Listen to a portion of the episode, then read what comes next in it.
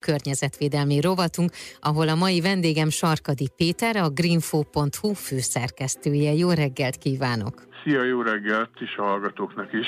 Karácsonykor rengeteg elektronikai terméket vásárolunk, vagy újat akarunk vásárolni, vagy valakit meglepni azzal. Na de mi történik a megunt, vagy már a nem használt eszközökkel? Ezeket újra hasznosítjuk, a kukába kerülnek? Mi történik ilyenkor, és hogy mi lehet a megoldás vajon, illetve milyen adatok vannak erre vonatkozóan? Erre vagyok én nagyon kíváncsi mindenki körbenéz a saját környezetében, akkor ugye azt mondja, hogy hát veszek valami új terméket, akkor hát a régi, ha kicsi, akkor hát lehet, hogy az még jó lesz tartaléknak, ha valami gond van, akkor az elfér ott a valamelyik kis polcon vagy a fiókba. Ha nagyobb, akkor az már útban van, akkor azt nyilván lecseréli, mert most már hál' Istennek a törvény kötelezi kereskedőket, hogy ugyanazt a termék típust visszavegyék, hogyha mondjuk én veszek egy hűtőt, akkor a régimet azt vissza kell, hogy vegyék, vagy egy televíziót, vagy ilyen nagyobb, kisebb, nagyobb elektronikai eszközöket. Tehát többfajta variáció van, meg hát sajnos az is előfordul, hogy landol a kukába, ami a lehető legrosszabb, mármint a kommunális kukába uh-huh. a mhm. legrosszabb megoldás, és hogy azért egy pár számmal hadd riogassak, Igen. az egész világon tavaly úgy becsülik, hogy az kidobott elektronikus eszközöknek a tömege az meghaladta az 57 millió tonnát. Atyaik. Hogy ezt úgy megértsük, hogy mennyi az 57 millió tonna, azt becsülik, hogy körülbelül a kínai nagyfal tömege ennyi. Tehát évente egy kínai nagy falat elektronikus szemétből gyakorlatilag megépítünk, és hogyha egy fokkal közelebb jövünk egy picit, ennek az 57 milliónak az körülbelül az egyötöde, tehát 11 millió tonna az az Európai Unióban keletkezik. És csináltak egy felmérést, nagyjából országonként ez hogyan oszlik meg, és hát a top listás az bizony Norvégia lett, ők termelik a legtöbb elhulladékot, 57 kg per fő per év. Aztán őt követik az Egyesült Királyság lakói 55 kilóval, harmadik Írország 52-vel, és Magyarország a 25 a listán. Ez azt jelenti, hogy nálunk olyan 32 kiló, tehát minden magyar állampolgár átlagban 32 kiló elektronikai hulladékot termel évente. Sok. Az nagyon sok.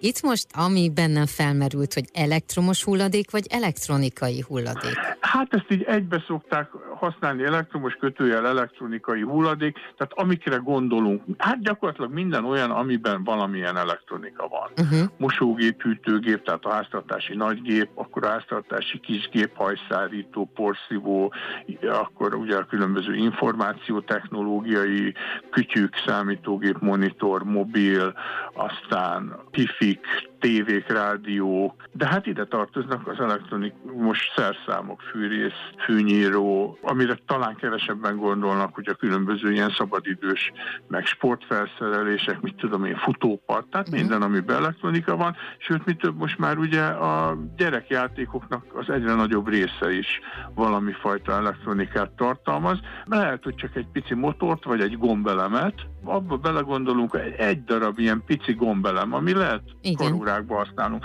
Szóval egy olyat kidobsz, a szétrohad, akkor alapból egy köbméter talajt szennyezel totálisan a benne levő fémek miatt. Tehát ezek ilyen kis apróságok, tól kezdve egészen ugye az árokpartra kivitt, nem tudom én, tévéig, de hogy iszonyúan szennyeznek, és hát az a legnagyobb probléma, hogy még hogyha szelektíven gyűjtjük is őket, a jelentős részével nem igazán tudunk mit kezdeni. A, a mit alatt tulajdonképpen az egész világot értem, tehát ez nem egy ilyen magyar sajátosság, hanem az a probléma, hogy oké, okay, összegyűjtjük, de például a műanyag részével nem nagyon tudunk mit kezdeni, aztán a, az elektronikai részét ugye szétszedik, alaplapokból kiszedik a, az, a még értékes, újrahasznosítható aranyat, ezüstöt, mondjuk ami a legfontosabb, így karácsony előtt, és én személyesen ajánlom, hogy azért gondoljuk már át, hogy biztos, hogy kell nekünk most új cuccot venni. Erre Tehát, én mondok jó. egy statisztikát, amit olvastam, hogy egy átlagos európai háztartásban egy 11 olyan elektronikai eszközt tárolnak, amelyet már nem használnak. Hát igen, hadd mondjak egy jó példát, én Belső Ferencvárosban lakom,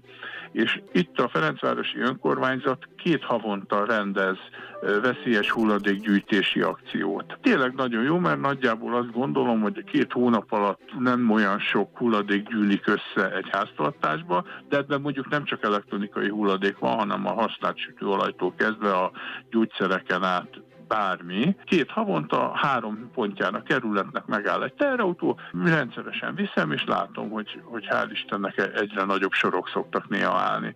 A szemlélet formálás is fontos lenne, hogy, uh-huh. hogy nem biztos, amit az előbb már elkezdtem pedzegetni, nem biztos, hogy új terméket kéne venni. Van azért ma még szervizháló, javítási lehetőség, és hogyha az a termék tényleg nem olyan szinten elavult, hogy már nem nagyon tudom használni, meg anyagilag is megéri javítatni, akkor lehet, hogy jobban járnánk, hogy javítassuk, de lehet, hogy, hogy mondjuk már olyan szinten elavult, hogy tényleg nem érdemes rákölteni, hát akkor bizony el kell vinni a szelektív gyűjtés építésbe. Nekem ilyen ezer éves mániám ez, hogy ne használjunk eldobható ceruza elemet, tehát alkáli mangán elemet, miközben bármelyik boltba, áruházba bemegyek, és ott vannak iszonyú olcsón, 100 forint alatt lárazva 12-es, meg 24-es pakba, hogy fú, vegyetek, vigyétek, uh-huh. de azért például mondjuk egy olyan háztartásból több kisgyerek van, rengeteg ilyen kütyűvel, mert ez kivéthetetlen, hogy tévé távirányítóktól kezdve mindenbe AA-s, meg AA-s